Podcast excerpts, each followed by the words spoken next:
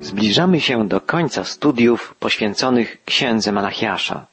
Przedostatni fragment tej prorockiej księgi, na którym dzisiaj skupimy swoją uwagę, porusza problem braku wdzięczności wśród ludu Bożego. Brak wdzięczności względem Boga jest jednym z największych braków w życiu ludzi wierzących.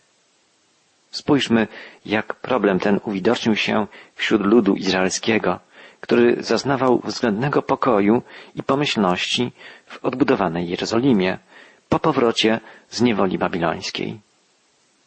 Prorok Malachiasz przekazuje następujące słowa Pana. Bardzo przykre stały się wasze mowy przeciwko mnie, mówi Pan. Wypytacie, cóż takiego mówiliśmy między sobą przeciw Tobie? Mówiliście, daremny to trud służyć Bogu. Bo jakiż pożytek mieliśmy z tego, żeśmy wykonywali polecenia Jego i chodzili smutni w pokucie przed Panem zastępów? Ludzie ci pytali, co my właściwie mamy z tego, że służymy Bogu? Jaki pożytek jest z naszego chodzenia do świątyni, składania tam ofiar, wykonywania nudnych rytuałów? Taka postawa świadczy o co najmniej dwóch rzeczach. Po pierwsze, ludzie ci traktowali sprawy religii bardzo płytko, powierzchownie. Wykonywali nudne dla nich obrzędy, rytuały, gdyż nie rozumieli sprawy wiary, nie znali Boga. Nie szli do świątyni, żeby się modlić, żeby przedstawiać Bogu swoje prośby, dziękczynienia, żeby wielbić Go śpiewem, wielbić Go sercem. Nie byli w stanie tego czynić, bo byli martwi duchowo. Po drugie, ludzie ci byli rozgoryczeni, rozżaleni, niezadowoleni z życia, choć przecież wiodło im się lepiej niż poprzednim pokoleniom. Mieli wiele powodów do wdzięczności względem Boga. Żyli w odbudowanej Jerozolimie, mieszkali w nowych domach, mogli bez przeszkód pracować, przebywając w ojczystym kraju. Ale w ich sercach nie było wdzięczności. Koncentrowali się na negatywach. Wydawało im się, że zasłużyli na więcej, że więcej im się od życia należy. Może powinni mieć bardziej okazałe majątki, wygodniejsze domy, mieszkania, nowocześniejsze samochody. Oczywiście myślę tu już o nas, współczesnych Polakach. Porównuję postawę tamtych ludzi, żyjących przed wiekami, dwa i pół tysiąca lat temu, i naszą postawę, nasze ciągłe narzekanie, niezadowolenie. Oczywiście nie żyje nam się łatwo. Wielu rzeczy nam brakuje ale mamy też za co Bogu dziękować. Żyjemy w wolnym kraju. Nie jesteśmy już zniewoleni żadną obowiązującą ideologią. Możemy otwarcie wyznawać naszą wiarę, swobodnie uczęszczać do kościoła. Tylko, że dla wielu z nas to także straciło urok. Wydaje nam się może to nudne, bezcelowe. Co my z tego mamy? Może to wszystko nie ma sensu. A może Kościół to tylko okazja do spotkania znajomych, do zaprezentowania nowego płaszcza, okazja do zdrzemnięcia się albo do poplotkowania? Jeśli nie rozumiemy, czego Bóg od nas oczekuje, lepiej przestańmy wypełniać nudne dla nas obrzędy. Jeśli nie chodzimy do kościoła, by rozmawiać z Bogiem, by się modlić, by słuchać Jego słowa, może lepiej zostańmy w domu i spróbujmy pomyśleć, czym w istocie jest Kościół Chrystusa. Zadajmy sobie pytanie, czy ja należę do wspólnoty Kościoła? Czy jestem cząstką żywego organizmu, żywego ciała, którego głową jest sam Pan? Zwróćmy uwagę, jakie pytania zadawali ludzie, o których mówi prorok Malachiasz. Pytali oni, jakiż pożytek mieliśmy z tego, żeśmy wykonywali polecenia Jego i chodzili smutni w pokucie? Czy była to prawdziwa pokuta, skoro była dla nich ciężarem, smutnym obowiązkiem? Bóg widzi serce i chodzi mu o przemianę serca człowieka. Na co mu przedstawienia religijne? Na co mu obnoszenie się z posypaną popiołem głową, kiedy serce człowieka, rzekomo bardzo religijnego, jest twarde, niedostępne dla Boga? Prorok Izajasz wołał, pościcie wśród waśni i sporów, wśród bicia niegodziwą pięścią. Coś okropnego, obłuda, hipokryzja. A post miał pomóc człowiekowi w przezwyciężaniu egoizmu, w kształtowaniu wewnętrznej pokory. Miał otwierać drogę do intymnej, osobistej społeczności z Bogiem, a nie być przedstawieniem, rodzajem religijnego show. Pan poprzez proroka potępia ludzi za wypaczanie sensu i znaczenia postu, pokuty. Izajasz i Malachiasz są tu zgodni. Post, pokuta stały się czymś karykaturalnym, zaprzeczeniem siebie samego. Boże spojrzenie na sprawę postu znamy także z wypowiedzi Jezusa. Pan Jezus powiedział, kiedy pościcie, nie bądźcie smętni jak obudnicy, Szpecą bowiem twarze swoje, żeby ludziom pokazać, że poszczą. Zaprawdę, powiadam wam, odbierają zapłatę swoją. Ty, gdy pościsz, namaść głowę swoją i umyj twarz swoją, aby nie ludzie cię widzieli, że pościsz, lecz Ojciec Twój, który jest w ukryciu. A Ojciec Twój, który widzi w ukryciu, odpłaci Tobie. Prawdziwa pobożność to nie zewnętrzne, pokazowe rytuały. Prawdziwa pobożność to autentyczna, osobista więź z Bogiem. Tę prawdę powtarzamy w naszych audycjach wielokrotnie, bo jest to coś bardzo istotnego. Prawdziwa pobożność to autentyczna, bliska, osobista więź z Bogiem. Jakże bardzo potrzebujemy dzisiaj doświadczania Bożej obecności przeżywania realnej, intymnej więzi z Nim, naszym Stwórcą i Zbawicielem. Jak możemy doświadczać Bożej obecności w naszym życiu? Sam Jezus dał nam najważniejszą wskazówkę. Powiedział, że Boga powinniśmy czcić w duchu i w prawdzie. To znaczy, że powinniśmy być odrodzeni przez Ducha Świętego i przeniknięci prawdą Bożego Słowa.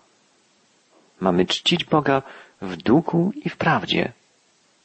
Ci, których Duch Boży prowadzi, są dziećmi Bożymi, podkreśla apostoł narodów. Tylko gdy nasz duch jest ożywiony, odrodzony i poddaje się przewodnictwu Ducha Świętego, tylko wtedy jesteśmy na dobrej drodze, wiodącej do Bożego Królestwa. I tylko wtedy jesteśmy cząstką prawdziwego, żywego Kościoła Jezusa Chrystusa. To, że Kościół jako organizm jest żywy i ciągle się odnawia, jest dziełem Ducha Świętego. To On działa w sercach ludzi wierzących, z których to serc Kościół jest zbudowany jak z żywych kamieni. Duch Święty sprawia, że wierzący, tworzący Kościół przyjmują słowo prawdy objawione im w Piśmie Świętym i że wiara ich ciągle się wzmacnia i rozwija. Duch Święty przypomina i ożywia słowa Chrystusa w sercach wierzących. Duch Święty działa w sercach wszystkich tych, którzy zaufali Jezusowi. Chrystus uczynił wszystko dla naszego zbawienia, a teraz Duch Święty działa w nas, odradza nas i powoduje nasz wzrost, nasz rozwój. Działanie Boga Ojca, który zaplanował Kościół i Chrystusa, który Kościół wykupił, było działaniem niejako z zewnątrz. Natomiast Duch Święty działa w nas, w naszym wnętrzu. I to jest zasadnicza różnica w charakterze Jego pracy. Dlatego Jezus, gdy żegnał się ze swoimi uczniami, mówił, że lepiej jest dla nich, iż odchodzi do nieba, bo Duch Święty, którego pośle, będzie mógł przeniknąć ich serca i ich umysły. Będzie mógł działać w ich wnętrzu. Duch Święty sprawia, że człowiek uświadamia sobie swoją grzeszność. Sprawia, że grzesznik staje się wrażliwy na głos Boga, że zwraca swoje serce ku Bożemu Słowu. Pan Jezus wytłumaczył Nikodemowi, że musi narodzić się na nowo, aby być zbawionym i że to nowe narodziny są dziełem Ducha Świętego. Pan Jezus podkreślił też, że wielką rolę w procesie przemiany człowieka odgrywa Słowo Boże. Duch Święty przypomni wam wszystkie słowa, które do was mówiłem, obiecał Jezus uczniom. I tak się dzieje, także dzisiaj. Duch Święty sprawia, że Słowo Chrystusowe staje się dla nas żywe i ono właśnie nas przemienia. Dlatego tak ważne jest, żebyśmy czytali i rozważali Boże Słowo zapisane w Biblii. Duch Święty sprawia, że słyszymy Słowo prawdy, słyszymy dobrą nowinę o naszym zbawieniu. Nie ma innej drogi, by dowiedzieć się, że jest się zbawionym, niż poprzez zrozumienie i przyjęcie poselstwa Biblii. Jeśli w to, drogi przyjacielu, wierzysz, jesteś uratowany. Kto ma syna, ma życie, czytamy w Piśmie Świętym. Jest to niepodważalna, wspaniała prawda. Ktoś może powiedzieć jednak, dobrze, ja czytam słowa Biblii lub słucham ich przy różnych okazjach i nie mam wrażenia, że są one żywym słowem Boga. Ale ktoś inny powie coś zupełnie innego. Tak, właśnie to słowo, które teraz usłyszałem, sprawiło, że zrozumiałem, co jest prawdą.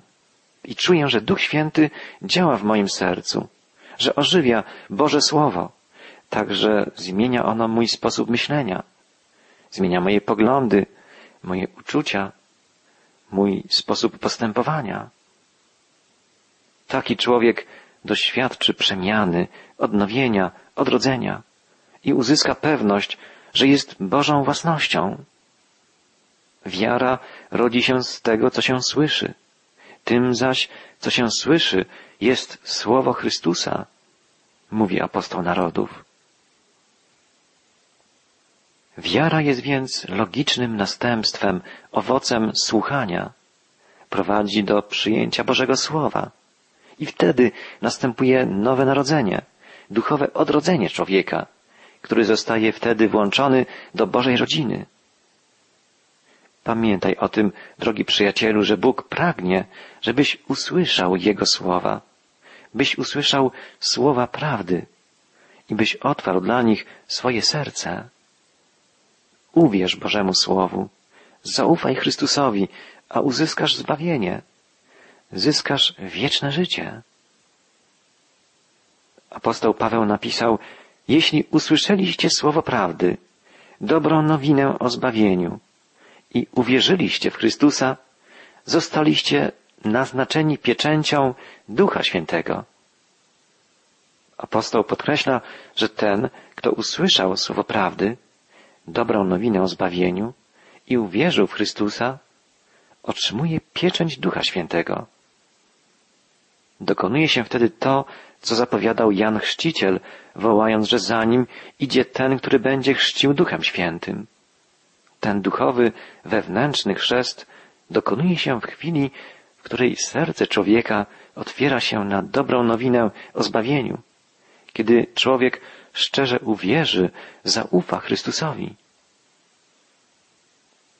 Duch Święty najpierw otwiera nasze oczy, nasze serce, a w chwili, kiedy w naszym sercu, w naszym umyśle pojawia się wiara w Jezusa Chrystusa jako Zbawiciela i Pana, zostajemy zapieczętowani przez Ducha Świętego. Zostajemy włączeni do ciała Chrystusowego. Ten rzeczywisty, wewnętrzny chrzest, chrzest Ducha Świętego, dokonuje się w chwili, kiedy szczerze uwierzymy w Chrystusa, kiedy uwierzymy w to, że jest On naszym Zbawicielem. Jest to wspaniałe dzieło Ducha Bożego. Może pojawić się tu pytanie, czy owego zapieczętowania Duchem Świętym dokonuje Bóg Ojciec, Bóg Syn, czy sam Duch Święty? I tu odpowiedź znajdujemy w Biblii. Czytamy w Ewangeliach, że zarówno Bóg Ojciec, jak i Jezus Chrystus posyłają nam Ducha Świętego, który ma do wykonania dzieło odnowienia, dzieło odrodzenia człowieka. Wydaje się, że sam Duch Święty jest ową pieczęcią, o której czytamy w naszym tekście. Duch Święty przemienia wierzącego człowieka, odtwarza w nim podobieństwo Boże, kształtuje w nawróconym obraz Chrystusa. Na pieczęci spoczywającej na ważnym dokumencie widnieje określony symbol, obraz. Podobnie Duch Święty kształtuje w wierzącym człowieku wizerunek Chrystusa, przemienia człowieka na obraz i podobieństwo Boże. Duch Święty jest więc jak pieczęć, która gwarantuje bezpieczeństwo, poświadcza, że należymy do Chrystusa. Jesteśmy zapieczętowani Duchem Świętym od dnia odkupienia i Duch Boży będzie nas chronił aż do dnia przemienienia, aż do powtórnego przyjścia Jezusa Chrystusa. Pieczęć Ducha Bożego jest więc gwarancją, że Bóg wyzwoli nas kiedyś zupełnie od obecności grzechu, chorób i śmierci. Jesteśmy zapieczętowani i przygotowywani przez Ducha Świętego na dzień powtórnego przyjścia Jezusa Chrystusa. Działanie Ducha Świętego w naszym życiu jest rękojmią, że w przyszłości czekają nas rzeczy jeszcze wspanialsze.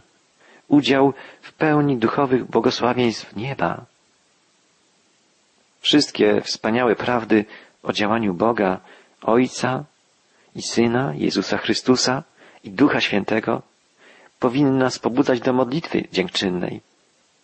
W naszych modlitwach tak mało jest wdzięczności.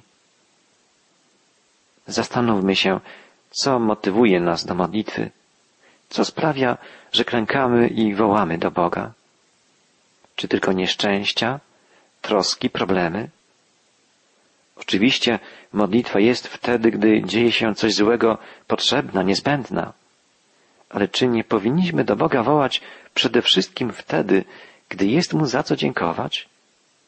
Bóg daje nam tak wiele, życie, zdrowie, siły do pracy, zdolności, umiejętności. Daje nam zbawienie i życie wieczne.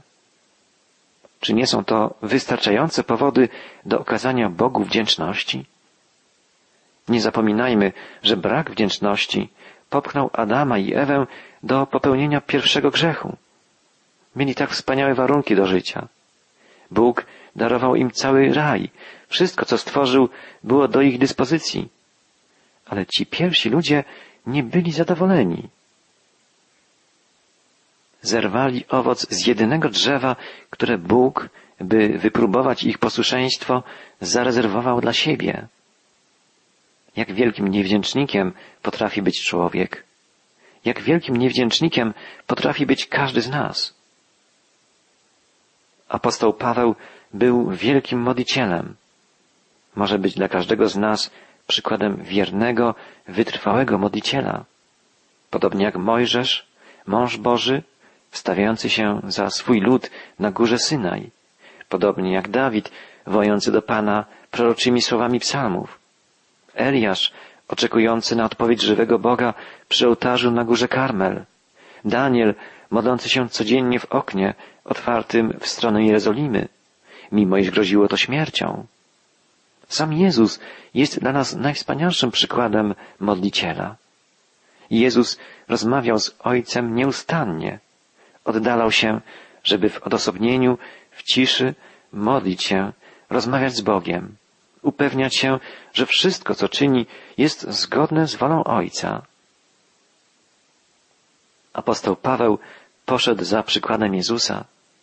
Był człowiekiem modlitwy. Był wielkim modlicielem. W liście do Efezjan, pisząc o Kościele jako cudownym, żywym organizmie, powołanym do życia przez Chrystusa, apostoł zapisał swoją wspaniałą modlitwę. Upadł na kolana i zaczął Boga wielbić i chwalić. Pragnął wyrazić Mu swoją wdzięczność. Jednym z najważniejszych mierników, znaków prawdziwej wiary jest właśnie modlitwa. Boże dziecko to człowiek rozmawiający ze swoim niebiańskim Ojcem. Rozmawiając z Bogiem, nie zapominajmy Mu podziękować za dar życia, za dar zbawienia, za Chrystusa, za Ducha Świętego, za Bożą łaskę i miłość i za nieskończoną mnogość Jego darów, Jego błogosławieństw, bez których nie byłoby możliwe nasze życie. Bądźmy wdzięczni. Do tego zachęca nas zarówno prorok Malachiasz, jak i apostoł Paweł, wielki wzór modliciela. Człowiek, który potrafił dziękować Bogu za wszystko, co od Boga otrzymał, mimo że przeżył także wiele cierpień, wiele trudów. Posłuchajmy na koniec, jak wspaniałą obietnicę przekazał Bóg poprzez usta proroka Malachiasza. Czytam siedemnasty wiersz ostatniego rozdziału księgi. Oni będą moją własnością, mówi Pan zastępów, w dniu, w którym będę działał, a będę dla nich łaskawy, jak jest litościwy ojciec dla syna, który jest mu posłuszny. Bóg pragnie nas błogosławić. Jest pełen miłości i łaskawości. Uwierzmy w Jego miłość, zaufajmy Mu. Bądźmy Mu wdzięczni, a On obdarzy nas szczęściem, które trwa wiecznie.